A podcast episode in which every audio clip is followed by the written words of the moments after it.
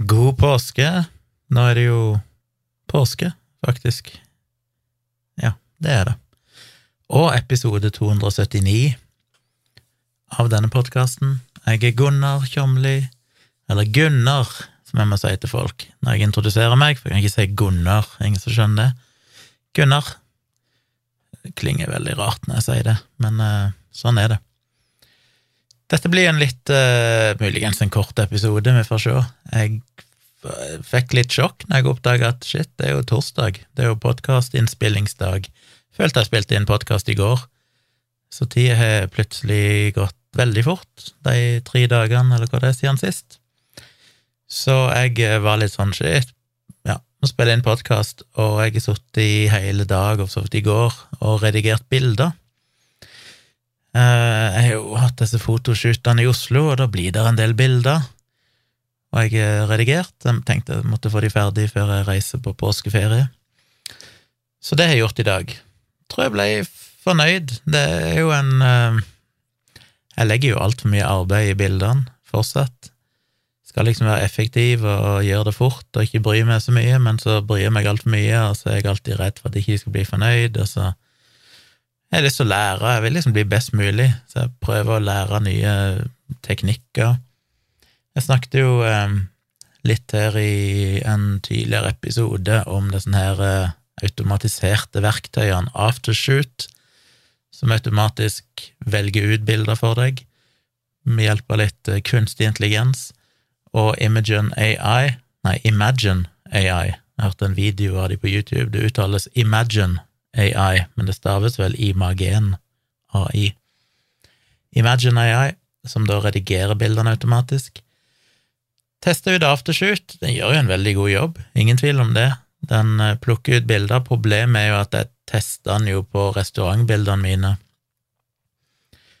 og der er jeg veldig spesifikk på akkurat hvilke bilder jeg vil ha. Eh, Aftershoot ser jo på liksom Er bildet i fokus? Du kan sette en del innstillinger. Hvis du har fem, seks, sju, ti bilder i serie som er ganske like, så kan du velge hvor mye forskjell det må være på bildene før han anser de som at det er samme motivet, liksom, i samme, at han grupperer de som ett bilde, og så velger han ett eller flere av de. Så du kan sette den ganske sånn at den tåler ganske mye forskjell på bildene og samtidig og allikevel kategorisere de som samme bilde, eller han skal være ganske nøye, bildene må være nesten helt like.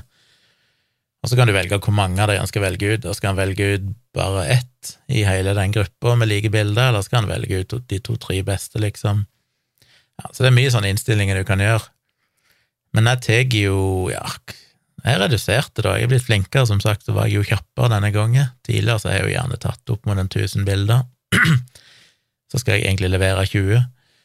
Denne gangen så tok jeg vel ca. 600 bilder på hver plass, litt over 600 bilder, og skal da plukke ut bare noen veldig få.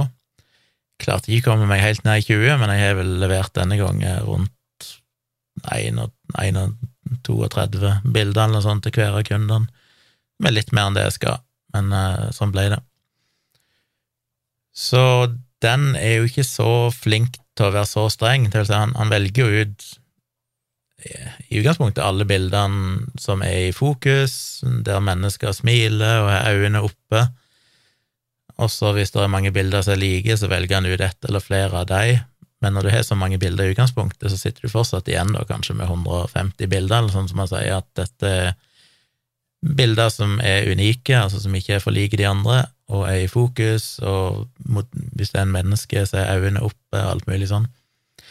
Og Det hjelper ikke meg så mye, sånn sett, å sitte igjen med 150 bilder, og så er jeg litt sånn usikker på, hvis det er fire-fem bilder av en matrett, hvordan vet Aftershoot akkurat hvor fett av de bildene jeg syns er finest? Så jeg tror det Jeg testa det, og jeg kunne i teorien bare akseptert utvalget den gjorde, men jeg måtte uansett gått gjennom og filtrert enda mer ned, for den valgte jo 150 bilder eller sånn sjøl, om jeg hadde det på de strengeste innstillingene. Eh, fordi den, ja, den kan ikke velge ut hvilke bilder jeg skal bruke, den sier jo bare at dette er de bildene som er brukbare, og etter det så er det jo opp til meg. Så jeg må jo på en måte gå gjennom de uansett, og da hjelper det meg ikke så supermye. Da kan jeg nesten like å gå gjennom de sjøl ifra starten av. Og så testa jeg da Imagine AI. Sendte opp da de Jeg husker ikke hvor mange bilder det var. Noen titalls bilder jeg valgte ut på det tidspunktet, så ble det jo kutta enda flere etter hvert, da, men sendte de av gårde. Der har du jo åtte-ti forskjellige sånne ferdige looks som er basert på stilen til andre kjente, gjerne bryllupsfotografer.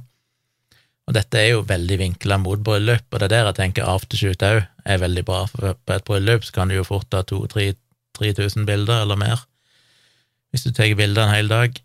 Og da, og da er jo 98% av bildene eller mer inneholder nok mennesker, så er det jo kanskje noen bilder, noen detaljer, ring, ring og brudekjole og sånn, kanskje, men kanskje noen kaker og sånn, men i utgangspunktet er det mennesker på de aller fleste bildene. Og da skal du òg levere hundrevis av bilder. Da, skal han, da leverer han jo gjerne alle bildene som er bra. Det er ikke noen grunn til å egentlig kutte ut noe særlig. Eh, så lenge du ikke leverer mange som er like, da, men det er jo akkurat det Aftershoot gjør. Han velger ut ett, eller alt etter hvor strengt du setter det, av de bildene som ligner på hverandre.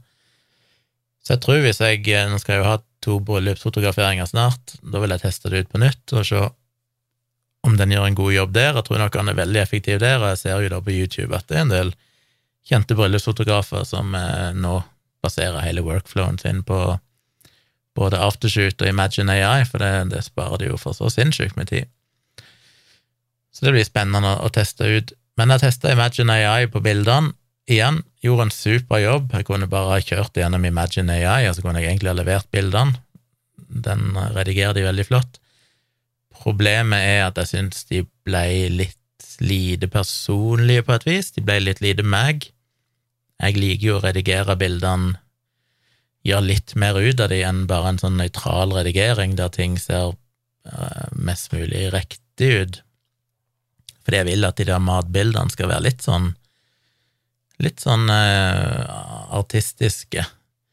Legge på litt sånn glød, få ting til å gløde litt, og få fargene til å være skikkelig kraftige der de skal være kraftige, og kanskje litt sånn diffust og litt røyk, og skal se liksom appetittlig ut, du skal bli sulten av å se disse bildene, det skal ikke bare være en, en dokumentarisk Sånn som et bryllup er jo mye mer dokumentarisk, du bare skal dokumentere dagen, og ting skal se stort sett eh, ja, ekte ut. Her tillater meg jo, med disse matbildene tillater meg jo å være litt mer kreativ, så da ble Imagine AI litt kjedelig der. Så kan jeg selvfølgelig velge min egen stil, men det er krevende, som sagt, for da må du laste opp 5000 bilder, minst 5000 bilder, som man da skal lære av. Lære seg stilen din. Og da må du ha 5000 bilder som alle er redigert i samme stilen. Så hvis du redigerer bilder i forskjellige typer stiler, så må du òg eh, skille deg. Du må laste opp kun én redigeringsstil, sånn at han lærer seg den stilen, og så kan du eventuelt laste opp de andre bildene til en annen stil, som en egen 5000 pluss bilder, så kan du lagre det som en egen variant. Du kan lage flere stiler, liksom, av dine stiler. Så hadde jeg hatt mer enn 5000 matbilder som var ferdig redigert, det har jeg ikke.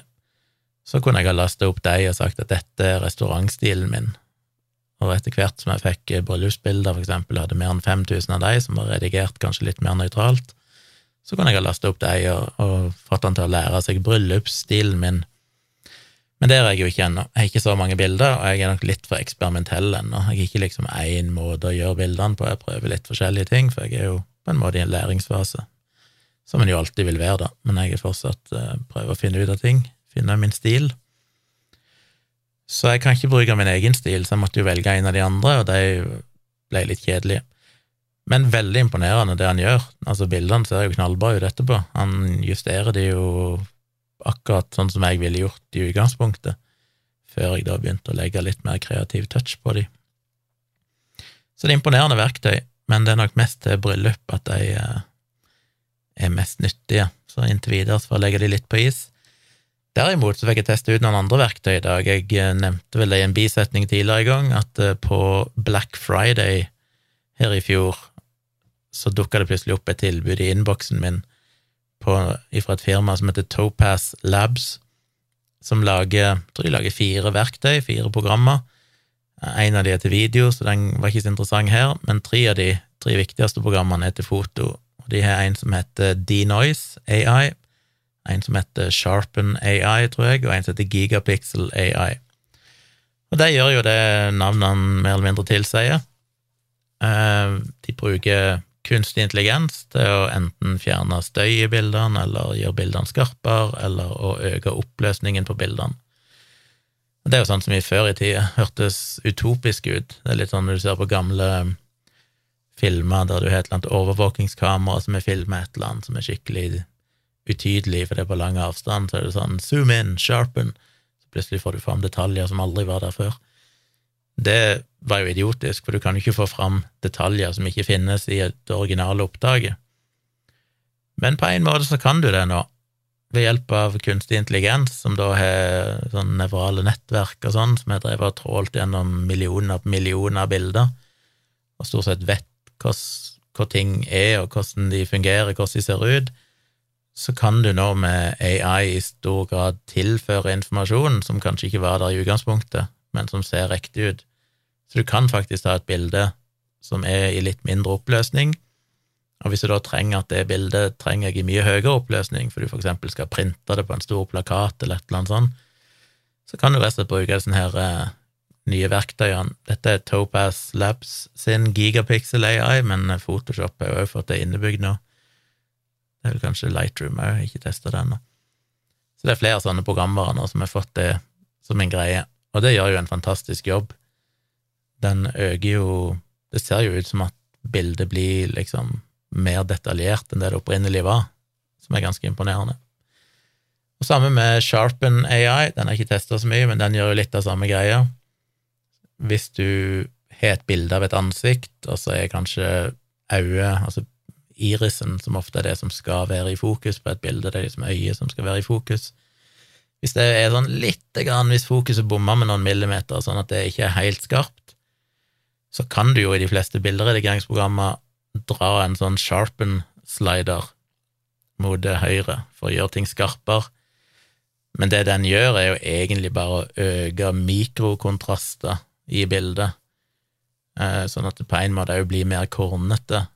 Det kan gi en illusjon av at bildet blir skarpere, men det blir jo ikke egentlig skarpere, for han tilfører jo ingen informasjon, han bare øker kontrasten litt på pikslene. Alle sånne overganger mellom lyst og mørkt fremhever han enda litt mer. Så det funker til en viss grad, gjennom en sånn ren optisk illusjon, på et vis, men bildet blir jo ikke egentlig skarpere. Men med Sharpen AI så kan du faktisk gjøre det skarpere, ikke bare hvis det er ute av fokus, men òg hvis det er motion blur, altså at noen har beveget seg, eller du skalv litt på kamera akkurat idet du tok bildet, så kan den faktisk gjennom sine algoritmer gjenskape og se hvordan var det kameraet bevegte seg, og hvordan vil pikslene ha blitt dratt ut smuda eller smudga utover på grunn av den bevegelsen, altså på en måte nullstille det, sånn at du ender opp med et skarpt bilde. Så det er imponerende teknologi. Ingen av de har brukt i dag. Jeg har derimot brukt Denoise AI, som altså fjerner støy for bilder.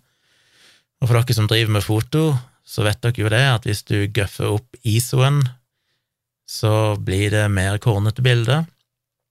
Det vil si, ISO-en er jo på en måte lysfølsomheten til sensoren, så hvis det er mørkt i et lokale, og du skal ta bilde, og du trenger å, å se noe, så kan du skru opp ISO-en, og da blir bildet lysere, men på grunn av begrensninger i sensorene så blir det òg mer kornete bilder, du får masse prikker, liksom, støy i bildet. Det inneholder jo òg Lightroom, alle sånne bildebehandlingsprogrammer inneholder òg en sånn denoise slider du kan dra til høyre for å fjerne støy, men det den ofte ender opp med å gjøre, er jo til en viss grad det motsatte av sånn sharpening, at han egentlig fjerner kontraster og blurrer ut ting litt, så heller han å faktisk fjerne støy. Han fjerner jo på en måte ikke disse her prikkene, han bare ja, smudger det ut litt på et vis, og bildet ender opp med å se litt mer uskarpt ut etterpå, mister litt av, av liksom skarpheten. Men igjen, AI gjør susen, og jeg ble ganske mindblown Eh, for jeg hadde noen bilder som var tatt inn i et mørkt restaurantlokale, og så, hvis du tar bilde med åpningen på linsa helt åpen, det som kalles for en eh, for aperturen. En eh, Hva er det igjen? Det er ja, Du skal ikke gå seg opp og ned, men iallfall, linsene mine stort sett de takler det som heter for F1.4, som betyr at de er veldig lyssterke, de slipper inn mye lys, så du kan ta bilder i rom som nesten er temmelig mørke uten at det er noe problem, uten å blitt sånn, og uten at det blir kornete. Og så kan du i tillegg skru opp ISO-en hvis du trenger enda mer lys. Problemet er at når det funker fint, skal du ta bilde av en gjenstand eller et portrett eller noe der det er bare én ting som skal være i fokus, men skal du ta et bilde av selve lokalet, der du gjerne vil at mest mulig skal være i fokus, så må du lukke ned apparaturen, altså blenderåpningen.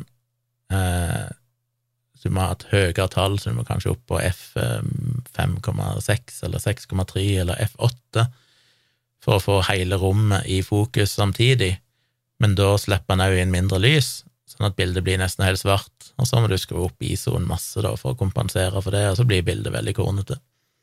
Så det er alltid et sånt dilemma.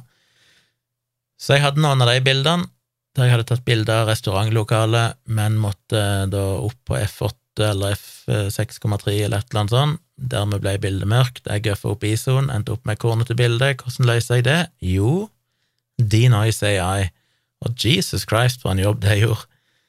Det var helt uh, Alt er automatisk. Du bare åpner bildet i Denoise AI, så kan du velge forskjellige sånne presets, på en måte. Han har vel fire eller fem forskjellige, litt avhengig av hvor mye støy det er i bildet. Men du kan òg be han velge det sjøl. Bare velge sånn auto, så finner han sjøl ut hvilken som passer best. Så kan du overstyre to-tre innstillinger. Det er veldig lite du kan gjøre i det programmet, det er bare noen bitte få slidere du kan dra i hvis du vil det. Men du kan òg bare la alt gå på auto, og det gjorde jeg. Jeg prøvde litt, men det ble ikke noe forskjell, egentlig, så jeg bare lot han være på auto.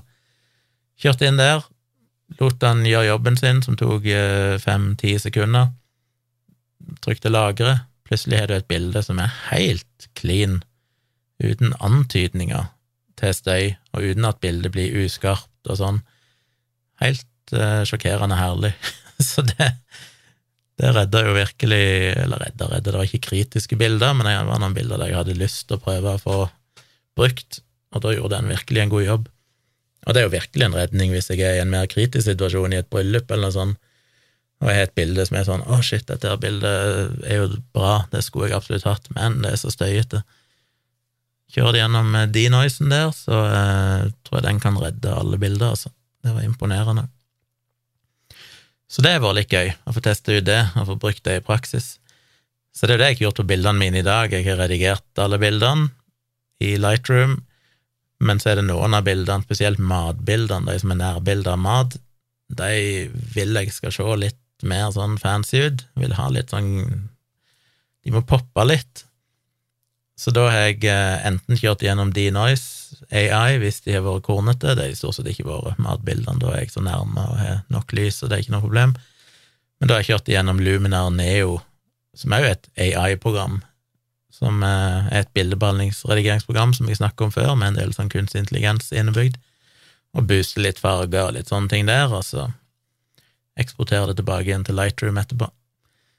Så det tar jo litt tid, når jeg både redigerer bildene først i Lightroom, og så eksporterer de til andre programmer for å gjøre ekstra prosessering.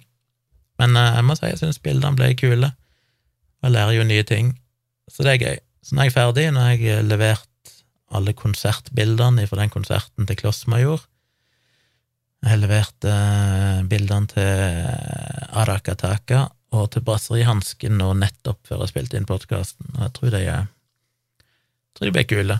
Jeg skal ta lenker til alle de tre galleriene i shownotes, så hvis dere er nysgjerrig på å se de bildene, så finner dere link i informasjonen. Jeg skal jo ta og legge de ut på patronen min, så dere kan finne link inne på Patron hvis dere støtter meg der. Og apropos Patron, husk at eh, denne episoden dukker opp eh, tidlig på Patron og reklamefri. Så hvis du er gira på det, eller bare har lyst til å støtte arbeidet jeg gjør, så gå inn på patrion.com slash tjomli, kan du støtte meg der og få da litt sånn ekstra linker og goodies innimellom. Jeg har jo fått noe mail fra lyttere etter forrige episode. Det setter jeg veldig pris på. Jeg har sagt det før, at jeg vet aldri helt hva jeg skal svare. Jeg får ofte ganske lange mailer, som er veldig kult. Men eh, det er litt sånn vanskelig av og til å vite hva skal jeg si, skal jeg bare si takk for mail eller ikke, så jeg svarer kanskje ikke, men jeg leser de, og setter veldig pris på at dere deler tanker med meg og gir feedback. Hyggelig å høre at det er andre, det var det folk på livestreamen på tirsdag òg som sa, og det vet jeg jo selvfølgelig, det er andre òg som er det som meg på eh, sosiale tilstelninger, etter jeg i forrige episode fortalte om når jeg følte meg ganske lost på den eh, Kloss Major release-konserten, eller release-festen. Jeg vet jeg ikke er alene om det, men eh, det er godt å høre at det er andre som sliter med de samme tingene. Eller godt og godt, det er jo trist, egentlig, men eh, sånn er det.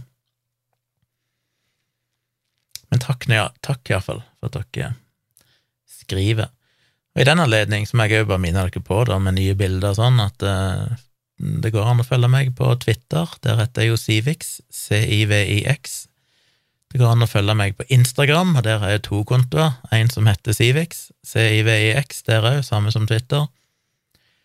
Den er ikke sånn superinteressant. Den var mer interessant i gamle dager.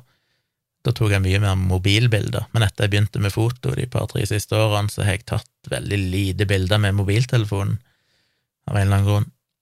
Så den er ofte Følg den hvis du vil få med deg eh, når jeg deler nye episoder, virkelig grusomt eller dialogisk, eller det blir mye sånne ting jeg deler der.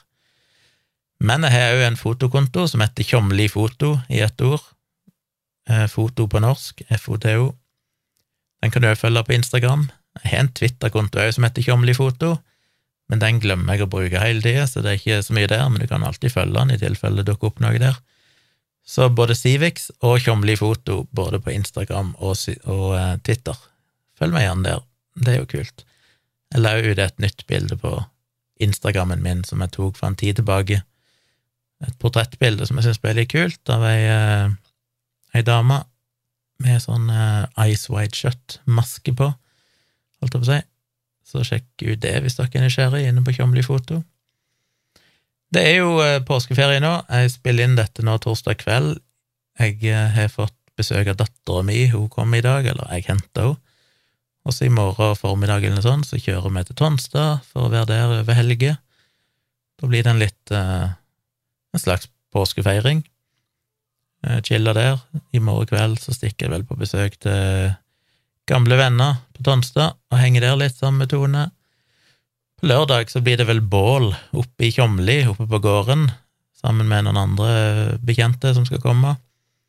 Og eh, ungene, i den grad en kan kalle de unger lenger, de begynner å bli så gamle nå, både dattera mi og mine to nevøer som bor oppe i Tjomli, de begynner å bli ganske store. Men allikevel så tror jeg det blir noe sånn påskegreie. Tror mamma skal gjemme noen påskeegg eller et eller annet rundt på gården, og så må de springe rundt og prøve å finne de. Og så blir det bål og steking av marshmallows og kanskje pølse eller et eller annet sånt, jeg vet ikke helt hva som er greia ute, men det er koselig ute på et eller annet sted som er trygt, å ha bål. Så det blir fint. Kjører vi hjem igjen på søndagen, tilbake igjen her. Og så har jeg jo sagt det at neste uke så er det jo et sterkt forsinka julebord. Jeg sa jo opprinnelig at jeg skulle ta bussen tidlig på morgenen til til Nå tror jeg Tone prøver å kommunisere med meg. Har du sovna, eller? Jeg spiller inn podkast der, så nå kom du inn i podkasten min. Beklager til deg og alle lytterne dine. Har Tone på walkietalkie-funksjonen på klokka, Apple Watchen. Det er sånn vi kommuniserer med hverandre når jeg sitter nede i kjelleretasjen her og jobber, og hun trenger å si noe. Um, jo, jeg skulle egentlig reise tidlig om morgenen til Bryne med bussen, og så tenkte jeg jeg skulle overnatte der, og så opp tidlig, sånn halv fem om morgenen, ta taxi til flyplassen Sola, ta fly fra Sola til Oslo, og så flytog rett til dette fotokurset jeg skal på ut på Sandvika eller noe sånt. Det ville gått akkurat, det ville blitt veldig lite søvn. Så plutselig kom jeg på at det er jo en annen måte å gjøre det på. Det er jo nattoget. Så det har jeg booka om nå. Så nå blir det julebord på kvelden, og så går jeg bare rett ifra julebordet til Bryne stasjon, og så går det et tog der rett etter klokka elleve på kvelden. Hopper på det i en sovekupé. Åtte timer tar det, kommer seg til Oslo, men da kan jeg ligge og sove. Så kommer jeg fram til Oslo klokka sju på morgenen, og så går jeg rett på eh, fotokurs. Nå får jeg vel ikke dusje og sånn, det er jo ganske crap å komme udusja på kurs, men det får våge seg for å overleve det. Og så er vel planen da, ikke helt sikkert, men Tone har et ønske og en plan om at uh, etter at hun har kjørt meg ned til stasjonen her i Kristiansand på torsdag morgen, jeg skal, når jeg skal ta bussen til Bryne, så vurderer hun rett og slett å kjøre til Oslo. Hun har ikke gjort det før, kjørt alene til Oslo, men det tenkte hun skal prøve, og da komme inn til den nye hybelen vår. Uh, Ikea skal jo levere ei uh, lita seng og, og noe sånt, så da kan hun møte dem og gjøre det klar på torsdag kvelden, rigge opp seng og sånn, og så kommer jeg på fredag kveld etter fotokurset er ferdig, og da er hun der, og da er forhåpentligvis rommet, eller hybelen, ferdig med seng og alt, så da er det bare å, å nyte det. Og så skal jeg på kurs igjen hele lørdagen og hele søndagen, så Tone ser ikke så mye til meg på dagtid, men uh, da kan hun kose seg i Oslo, bo på hybelen, treffe venninner og, og sånn, og så kjører vi hjem igjen sammen på mandag midt på dagen en gang, regner jeg med. Så det er hennes plan, så det blir spennende hvis hun gjør det. Jeg blir jo alltid nervøs. Ikke fordi jeg er redd for hennes kjøring, eller noe sånt, jeg blir bare nervøs når folk kjører bil, inklusiv meg sjøl. Syns alltid det er skummelt at folk skal ut på lange bilturer, men ja, det går vel bra, så jeg får bare håpe det. Jeg hadde en veldig kul livestream på tirsdag, syns jeg. Det er jo veldig opp og ned med de livestreamene, iallfall hva jeg føler om de. Eh, fire-fem livestreamer, så føler jeg meg alltid litt sånn crap etterpå. Jeg bare føler at jeez, jeg hadde ingenting fornuftig å si, og alt jeg sa var dumt, og, og sånn. Men uh, det var en del gode spørsmål denne gangen. Det var alt om uh, jeg mente om incest burde være lovlig eller ikke, til Hvor mer var det? Ja, det var flere sånne spørsmål som kom, som var litt sånn hm. Ja, det var litt om det var umoralsk å spise kjøtt, og da fikk jeg snakka litt mer om det en del gode spørsmål som jeg syntes var gøy. Var det jo det hva var den eh, mest kosmetisk forstyrrende kroppsdelen? det fikk jeg òg jazza litt ut om, hva jeg syntes om egentlig menneskekroppen, og hva jeg syntes var ekkelt og sånn. Så det var en morsom livestream, syns jeg. Så den ligger jo ute på YouTube-kanalen min på Tvilsomt med Tjomli. Bare søk etter Tomprat live, episoden som kom um, på tirsdag kveld, så det blir vel 12. Eh, april, var det vel, den som heter Påskeferie. Tomprat live påskeferie. Eller påskestream, var det kanskje. Hvis dere har lyst til å se den, så kan dere det. Den syns jeg var litt uh, gøy. Hva mer hadde jeg å si? Jeg snakker om alt nå. En ting til jeg må nevne, det er jo at jeg har dette nettstedet som heter Kritiske tenkere, og dette snakket jeg òg litt om i livestreamen. Fordi jeg har ikke nevnt det så mye i det siste. Dere husker kanskje historikken. Jeg starta jo med Patrion for uh, halvannet Hvor lenge er det siden? Kanskje to år siden nå. Men så, i juli i fjor, så oppretta jeg jo dette forumet for kritiske tenkere, som ligger på kritisketenkere.no. Eh, som jeg òg kan ta betalt for, det vil si det er gratis å bruke, men du kan velge da å bli støttemedlem eller VIP-medlem og betale litt. Og det tenkte jeg da skulle egentlig ta over for Patron, sånn at Patron skulle fases ut over tid. Og grunnen til det var jo at Patron syntes det var litt sånn enveis. Jeg poster ting, og folk kan støtte meg, men det var vanskelig å, å få til noe sånn community, noe fellesskap der inne. Mens for kritiske tenkere så kan alle poste og skrive og kommentere og sende meldinger, mye mer liv, følte jeg. Eh, men det der Mighty Networks, som den plattformen heter, som jeg kjører Forum for kritiske tenkere på, den koster ganske mye penger. Iallfall den versjonen jeg har valgt. Den finnes i flere nivåer, og du kan vel også bruke den helt gratis, tror jeg, men da mister du en del funksjonalitet. Ja, så greia var jo det at jeg oppretta den, eh, oppfordra mine patrons til å flytte over til kritiske tenkere, brukte veldig mye tid på å sitte og filtrere ut de som støtta meg på Patron, eh, for å se hvor lang tid de hadde igjen. Hvis de hadde bare betalt, hvis de betalte hver måned, så var det én ting, men det er noen som kanskje betalte for ett år om gangen. Da måtte jeg se hvor lang tid de hadde igjen. Hvis de hadde betalt for et år nett, nettopp, så kunne jeg ikke akkurat tvinge de til å betale for et nytt år eller begynne på nytt på kritiske tenkere. Så jeg oppretta jo mange sånne gratisabonnementer som ga, ga deg tre måneder gratis, eller seks måneder gratis, eller et år gratis, eller en måned gratis som jeg da sendte ut sånne spesiallinker til, så de kunne følge den linken, og så fikk de da en, en gratisperiode når de signa opp på kritiske tenkere. det var mye jobb, mye administrasjon. Eh, I realiteten så tror jeg jeg mista ganske mange.